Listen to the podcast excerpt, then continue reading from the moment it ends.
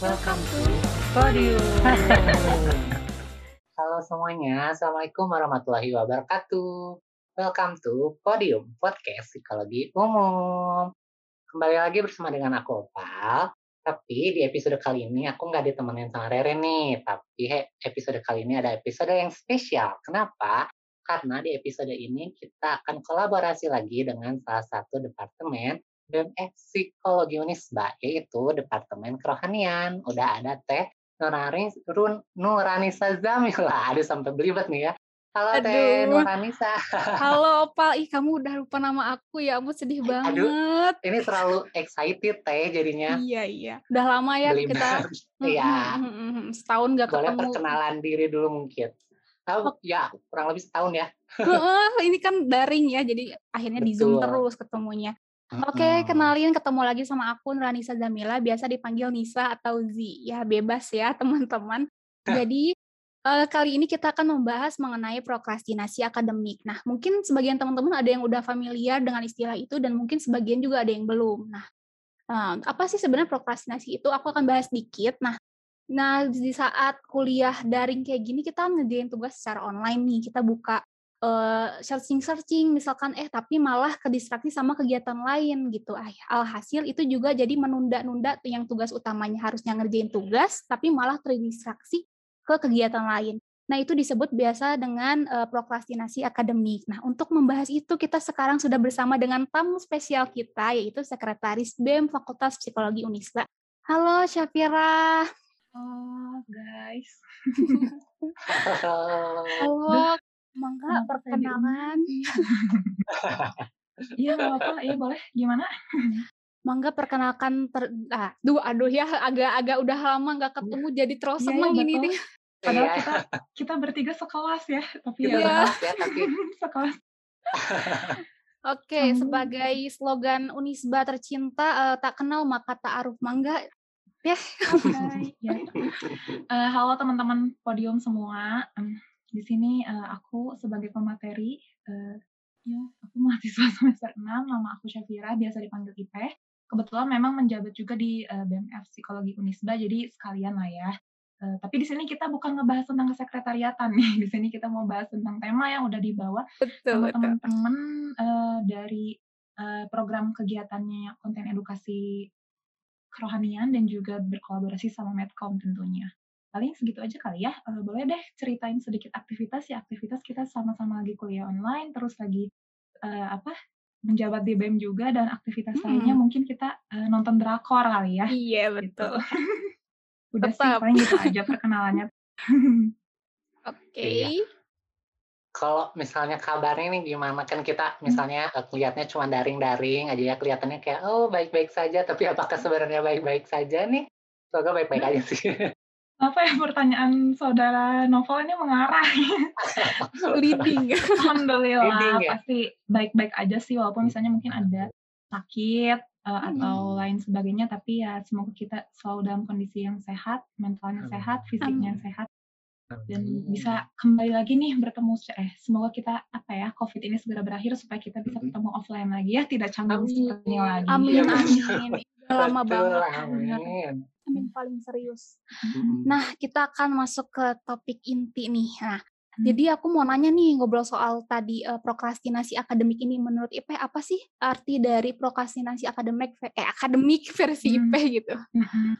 Sebenarnya sama sih ya. eh, tadi kan karena Nisa juga udah nyebutin, jadinya ke insight juga gitu. Pasti eh, si prokrastinasi ini tuh adalah suatu sifat atau kondisi di mana kita memang menunda tugas pekerjaan, baik itu misalnya pekerjaan ya pekerjaan profesi atau bahkan eh, di bidang akademik yang eh, Hmm. apa ya di satu sisi kita melakukan eh, aktivitas lain gitu, aktivitas lain yang mendistraksi si eh, tugas eh, akademik kita atau tugas Mm-mm. pekerjaan kita gitu sih Nis dan dilakukannya ya berulang-ulang gitu Mm-mm.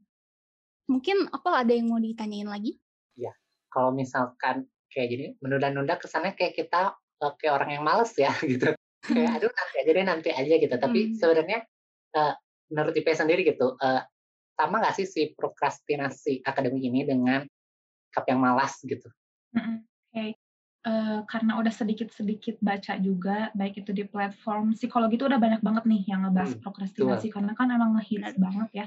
Hmm. Uh, ternyata nih prokrastinasi sama malas itu beda guys. Jadi kalau misalnya prokrastinasi itu kan tadi menunda tugas atau pekerjaan dan dia itu melakukan aktivitas lain yang mendistraksi si uh, apa pekerjaan atau tugas utamanya itu. Nah, sedangkan hmm. malas tuh nggak ngelakuin aktivitas apa pun gitu. Nah, hmm. sebagai sampel uh, aku ambil sampel ini dari uh, suatu platform di Instagram. Hmm. Misalnya nih kita ada tugas akademik ya, uh, nggak apa-apa ya aku sambil contohin secara sederhananya aja. Boleh gitu. banget. kita misalnya ada tugas akademik nih, ada ada tugas kuliah ini ini ini.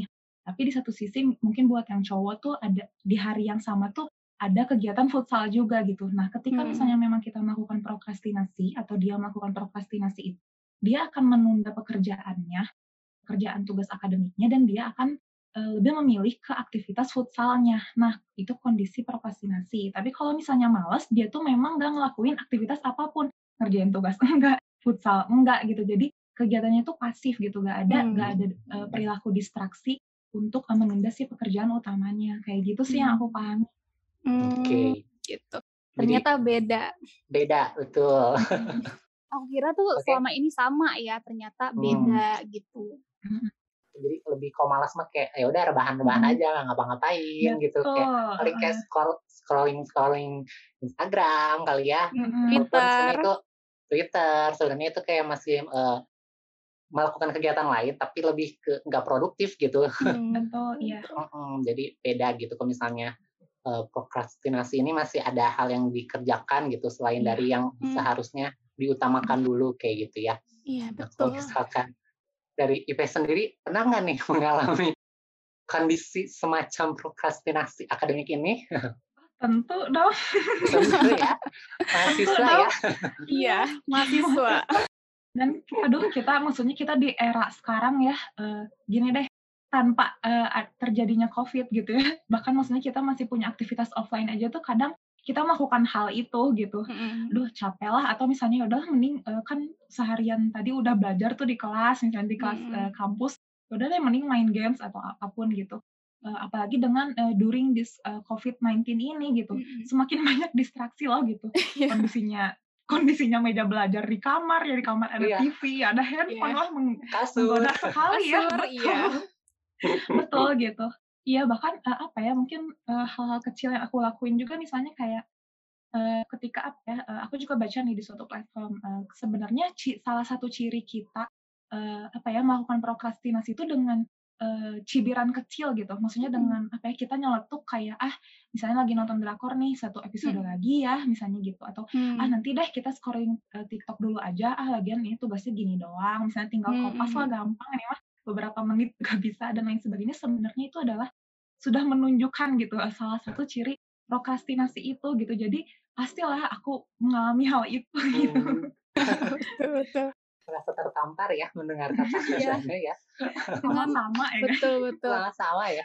Iya kayak sama. Nih opa pernah nggak kau ngalamin kondisi itu? Oh kayaknya bukan pernah lagi deh kayaknya hampir ya hampir setiap ada tugas pasti ditunda-tunda apalagi kami tahu kalau deadline-nya seminggu ya udah nanti ya, aja deh kayak gitu iya, kan. betul, betul. Ah, udahlah masih jadi lama gitu. Tuh, Amin satu, ayo jangan jangan amin satu, amin dua, amin tiga dikerjain. Amin tiga lah ya maksimal. Amin tiga lah ya paling maksimal gitu.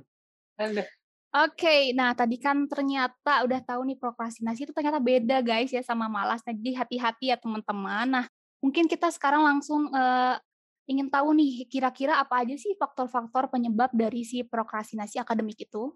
Okay. Uh, eh, mungkin ini versi aku dan versi uh, aku dalam memahami beberapa hmm. penelitian atau research yang aku lakukan sebelum aku diundang ke acara ini ya. Uh, jadi kan kalau misalnya kita ngebahas faktor tuh pasti ada dua ya, ada internal dan juga ada eksternal gitu.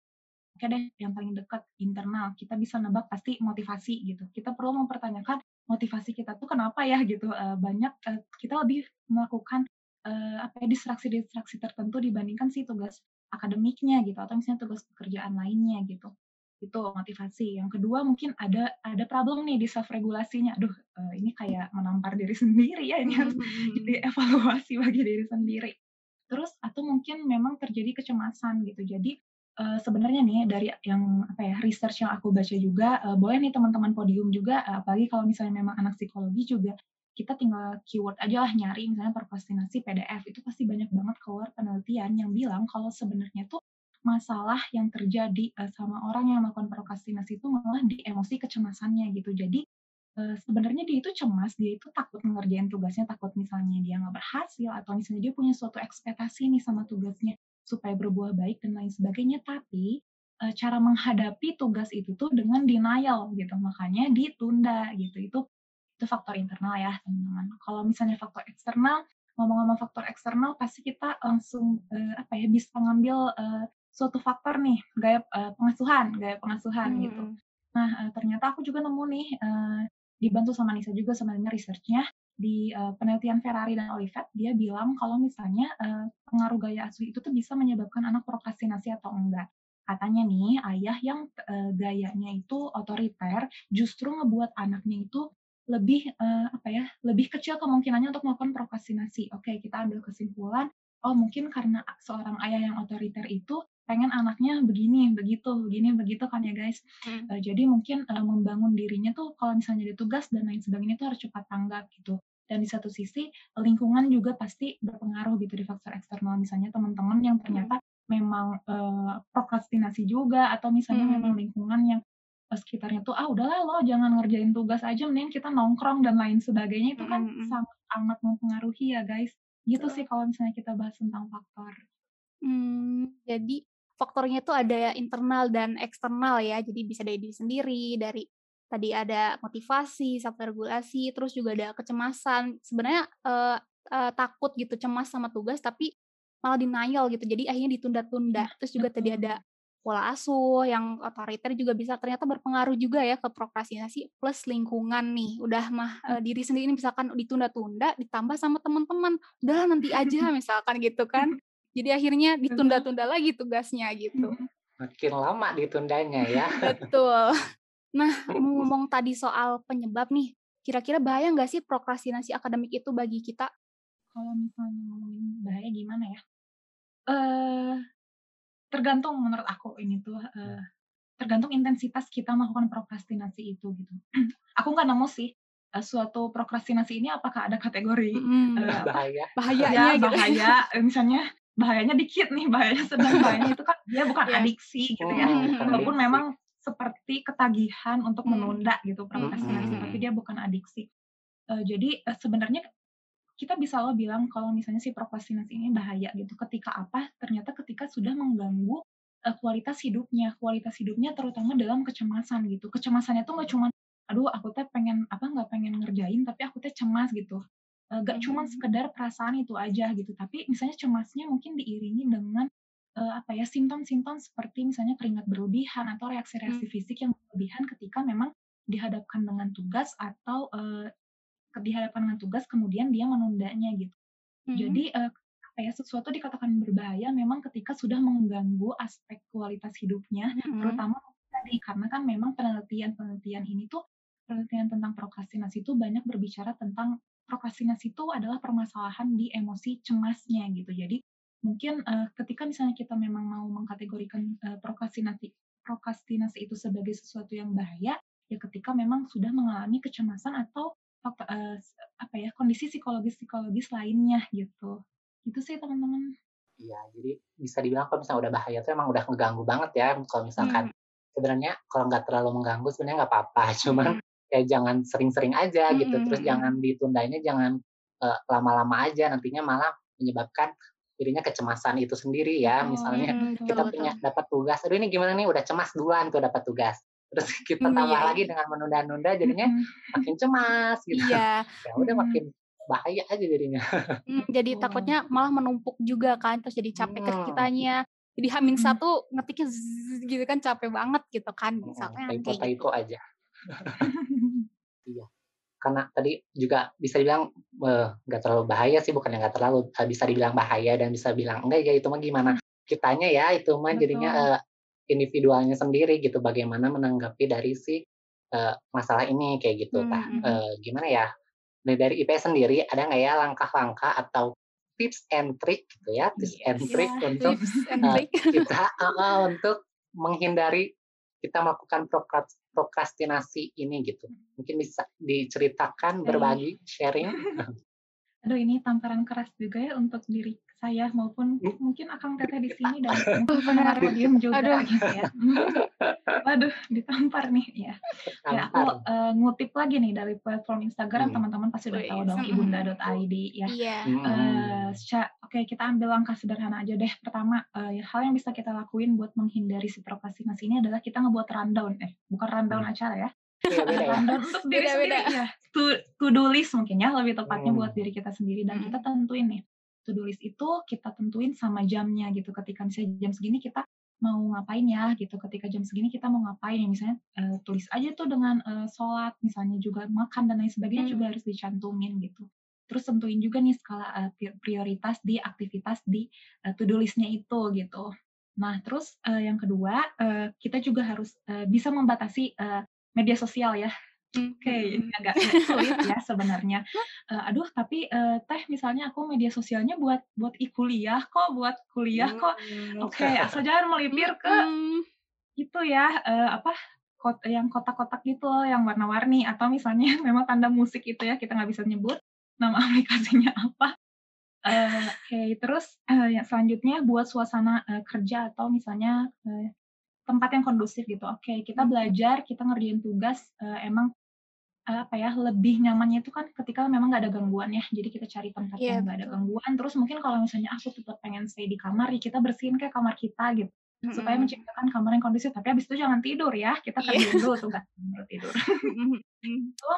Terus untuk selanjutnya, mm, ketika misalnya memang ada tugas, eh, mangga beri de- deadline untuk diri sendiri gitu. Walaupun misalnya tugasnya, aduh jam eh, misalnya jam 12 malam, ya bukan berarti deadline untuk dirinya sendiri pun yang dikasih sama si dosennya itu. Kita kan nggak tahu ya, maksudnya kemungkinan-kemungkinan lainnya atau bahkan dengan kita misalnya ngikutin sama deadline-nya dosen tuh eh, malah eh, semakin menunda juga gitu. Ah masih lama gitu, masih satu jam. Eh, eh kebablasan, tahu-tahu gak bisa submit aja kan, ya jangan Ya. kayak gitu ya. Mm-mm. Terus eh, cari eh, tahu nih waktu yang paling produktif. Misalnya kita tuh tipe Hmm. orangnya tuh yang kayak eh, apa sih kan ada yang malam, Oh, iya, eh, iya. ada Hmm. yang pagi gitu. Ya tipe orang Iya, kita iya, tuh iya. kan ada, aduh aku lancar lancar otaknya tuh pagi-pagi gitu. Aduh aku malam nggak bisa. Atau malah sebaliknya gitu. Aduh aku pagi-pagi teh gak bisa ngapa-ngapain gitu. eh, lancar otaknya, encer otaknya tuh malam-malam ya itu sesuaiin aja gitu sama teman-teman di sini, teman pendengar pod- podium di sini eh, buat teman-teman tuh di eh, kriteria orang yang mana gitu. Dan yang terakhir tentunya dong kita harus pikirin apa ya? Eh kita juga harus mengatur pola tidur kita, pola makan kita dan lain sebagainya, me time kita untuk em, apa ya mengumpulkan energi supaya karena kan tugas akademik juga cukup memakan energi dan juga Iya, otak betul. Mm-mm. jadi kita harus menyiapkan energi. Oh ya, dan satu lagi sih, eh, ketika misalnya memang kita sudah mengerjakan suatu tugas dan lain halnya, kita boleh loh self reward gitu. Supaya itu menjadi penguatan positif ke kita. Oke, aku kalau misalnya ngerjain ini, aku pengen makan McD misalnya, aduh pengen pengen Mac spicy Mm. atau apa itu bisa gitu kita ngelakuin hal-hal kecil seperti itu gitu sih guys mungkin dari Nisa atau No- Opal ada yang mau ditambahin juga nih tips and triknya versi kalian sendiri gitu Oke. Ayo, Oke, Mas Opal. Nisa mungkin. Mau dulu mungkin atau Mas tunjuk-tunjuk ya. lebih, lebih tepatnya kita kayak eh, orang yang melakukan, jadi masih bingung aja kita kayak gimana ya. Iya, Iya sih iya. betul ya betul betul Hmm. masih masih bingung juga nih tapi mungkin Hmm. hampir sebagian besar udah yang disebutkan tuh eh, terjadi juga ke aku. Nah apalagi Hmm. terutama aku itu eh, tipe orang yang lancar pas subuh pagi-pagi Hmm. gitu. Nah jadi biasanya tidur cepat bangun subuh gitu. Nah itu encer tuh lumayan gitu ngerjain tugasnya cepat. Kayak gitu sih kalau dari aku. Nah mungkin opal ada tips tambahan? Ya mungkin paling tadi ya ko- karena udah dibikin eh, to-do list gitu misalnya eh, tinggal dilihat lagi mana sih prioritas kita prioritaskan dulu gitu. Misalnya eh, jadwalnya mana yang lebih deket mana Hmm. yang lebih mudah untuk dikerjakan terlebih dahulu mungkin dikerjakan Mhm. terlebih dahulu kali ya jadinya daripada kayak ya udah nanti aja nanti nanti nanti semua yang nanti jadinya yang mudah yang susah semuanya nanti ya udah bingung aja nanti kerjain yang gimana ya ya benar-benar jadi ketumpuk tumpuk jadinya oke tuh tugas aja diprioritasin ya apalagi Hmm. hmm, gitu ya hmm gitu Hmm, gitu. Oke, mungkin ada tambahan lagi dari Ipeh yang ingin disampaikan kepada para pendengar dan kita khususnya. Apa ya? Ini apaan ini closing statement atau apa nih? Eh, Kalau misalnya tips and trick sih paling gitu ya Nias gitu dan mungkin boleh nih uh, teman-teman uh, mungkin ini kali ya catatannya jangan uh, main self diagnose gitu ya self diagnose hmm. tuh kayak nyocok-nyocokin gitu eh iya. kumaha aku dengerin podcast ini aku berarti orangnya prokrastinasi dong hmm, gitu betul, betul. jangan jangan terlalu kayak gitulah gitu teman-teman teman-teman juga harus bisa memfilter uh, apa ya suatu kondisi gitu ya termasuk prokrastinasi ini uh, jangan menganggap teman-teman tuh kayak oh mungkin aku prokrastinasi banget hmm. atau kayak gimana ya udahlah hmm. kita uh, maksudnya laku uh, apa ya tapi bukan berarti langkah-langkah yang tadi tuh nggak teman-teman lakuin juga gitu. Karena misalnya ada aku mah nggak prokrastinasi kan nggak boleh self diagnosis ya nggak gitu hmm. juga gitu ya. Pada kenyataannya ternyata ciri-ciri orang yang uh, mengalami prokrastinasi itu dekat gitu teman-teman sama kita gitu ya. Hmm. mungkin daripada kita kena daripada kita sibuk ngurusin diri kita atau mencap diri kita adalah orang yang prokrastinasi mending kita lakuin deh step-step itu gitu. Lagi step-step itu tuh sederhana gitu bukan hanya untuk yang prokrastinasi aja tapi sebagai hmm. reminder juga nih buat kita gitu iya. reminder benar-benar banget Oke, okay, terima kasih Ipe yang sudah uh, bersedia sharing. Jadi kita udah dibahas dari awal mulai dari pengertian, prokrastinasi, bedanya prokrastinasi dengan malas, terus juga hmm. uh, bahaya atau enggak ternyata itu tergantung ke individu itu sendiri, tergantung dari intensitasnya hmm. gitu ya. Terus juga tadi udah share uh, pernah mengalami ternyata memang pernah ya dan mungkin uh, uh, sekarang kita juga mungkin pernah sampai sekarang tapi semoga kita berusaha mengurangi ya dan tadi juga udah sharing tips-tipsnya mulai dari bikin to-do list terus juga kita harus mengenal diri kita kita tuh uh, aktifnya pada saat kapan seperti itu dan bisa memberikan self reward pada diri kita sendiri gitu. Iya. Oke. Okay. Betul.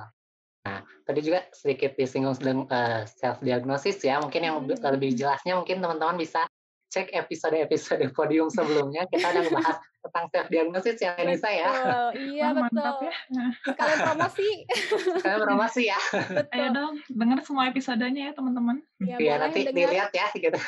Dilihat judul-judulnya itu ada semua hmm. teman-teman bisa dengerin di Spotify atau YouTube ya. Eh, betul. Oke. Okay. betul. Oke, oke. Okay. Oke, aku mau ngucapin terima kasih banyak buat uh, Ipe yang udah ngeluangin waktunya, mau sharing-sharing sama kita dan juga kepada para pendengar. Tadi kita udah ngebahas juga dari awal, terus juga uh, aku juga mau uh, ngasih reminder juga ke teman-teman dan terutama aku sendiri kalau sebaiknya kita uh, kalau misalkan masih bisa dikerjakan duluan atau bisa nulis uh, skala prioritas duluan, hendaknya langsung dilakuin gitu. Karena hmm. seperti selaras dengan Quran surah surah Al-Insyirah ayat 7 maka apabila kamu telah selesai dari suatu urusan, kerjakanlah apa kerjakanlah dengan sungguh-sungguh urusan yang lain. Nah, jadi jangan lupa teman-teman untuk uh, tidak mengurangi uh, penunda-nunda juga karena itu juga bisa bikin ke teman-teman capek kayak gitu. Tapi ingat hmm. jangan lupa untuk makan dan istirahat yang cukup. Itu. Oke, okay, semoga okay. ilmu ini berkah untuk kita semua. Amin. Amin. Tapi ya harus ya jadinya bermanfaat juga nambah-nambah ilmu juga. Mungkin kalau misalnya nyari-nyari sendiri malas kali ya jadi mungkin bisa iya. didengarin podium ini gitu ya. Oke okay. sebelum benar-benar officially ditutup mungkin dari IP-nya sendiri ada closing statement? Tadi udah disinggung ya, ya mungkin udah nyiapin closing statementnya. Udah ingin udahan enggak dong. Uh, senang banget diundang. Uh, ya sebelumnya mungkin makasih dulu ya buat teman-teman podium hmm. di sini mungkin terlepas dari saya sebagai sekretaris umum juga di sini saya sebagai uh, mahasiswa aja lah kita yang sama-sama sharing gitu ya. Uh, sebagai akhir kata atau closing statement tadi sih teman-teman uh, mungkin saya akan mewanti-wanti buat kayak uh, jangan self diagnose dan mm -hmm. um, ketika misalnya nih teman-teman udah mencari tahu tentang prokrastinasi kemudian teman-teman udah denger nih episode podium kali ini terus teman-teman kayak merasa e, tapi kenapa ya kok aku kayak gitu gitu misalnya atau misalnya uh, kok aku memang kayak bener-bener cemas parah gitu uh, hmm. dan maksudnya itu mengganggu uh, kondisi teman-teman gitu mengganggu keseharian teman-teman gitu ketika misalnya memang ngerja, gak ngerjain tugas tuh aduh bawaannya tuh cemas meriang dan lain sebagainya itu mungkin teman-teman tuh boleh uh, langsung ke profesional aja gitu hmm. karena kan uh, sebagaimana kita ketahui ya uh, teman-teman uh, nah daripada self diagnose mending ketika misalnya memang teman e, merasa sebegitu hebatnya ciri-ciri dari prokrastinasi, hmm. silahkan teman-teman e, go to profesional aja di kota teman masing-masing atau kalau misalnya teman-teman berdomisili di Bandung, boleh nih mampir ke Unisba. E, kita e, kita sekalian promoin dosen-dosen kita juga nih ya. uh, uh, ada namanya lembaga ULPT. Di situ ada dosen-dosen kami yang tentunya sudah terverifikasi, tersertifikasi untuk uh, sebagai seorang profesional di bidang psikolog. Kemudian uh, teman-teman juga bisa nih akses ke HIPMI Jabar. Kebetulan mereka itu memang uh, apa ya di masa pandemik ini walaupun misalnya aduh uh, pandemik ini apa yang karena harus kena atau gimana? Bukan kayak gitu. Bahkan teman-teman nih punya keluhan tentang akademik juga mereka itu akan merespon gitu. Bahkan uh, pelayanannya tuh free. Teman-teman bisa aja hmm. cek uh, IG-nya atau bahkan teman-teman carilah di Google juga pasti langsung keluar kontaknya. Hmm. kayak gitu. Terus uh, aku punya suatu quote tapi ini kayaknya garing banget aduh maaf ya oh, senang, senang mendengar ini oke okay, kita uh, dengar bareng-bareng ya. Oke. Okay. The best way to get something done is to begin. Memang yang paling susah itu adalah memulai, tapi oh. kita harus bisa oh. untuk memulai ya teman-teman. Iya, gitu. Yeah, yeah. Paling segitu mulai. aja guys. Oke, okay. okay. boleh ke Prokela tepuk yeah. tangan dulu. Yipi. Yipi. Oke, okay. sangat ini ya sangat memotivasi ya, Motivasi. super sekali gitu ya. Super sekali. super sekali. Oke, okay. kalau gitu seperti ini uh, sangat menarik ya, bukan sepertinya saya emang sangat menarik sekali bahasan podium pada episode kali ini ya. Kalau gitu kita cukupkan sekian aja kalau gitu ya.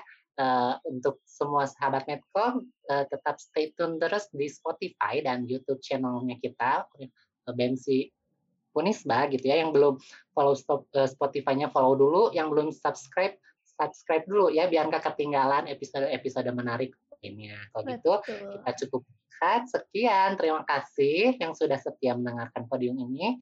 Saya Nopal pamit. Aku juga pamit. Safira juga pamit. Wassalamualaikum warahmatullahi wabarakatuh. Dadah.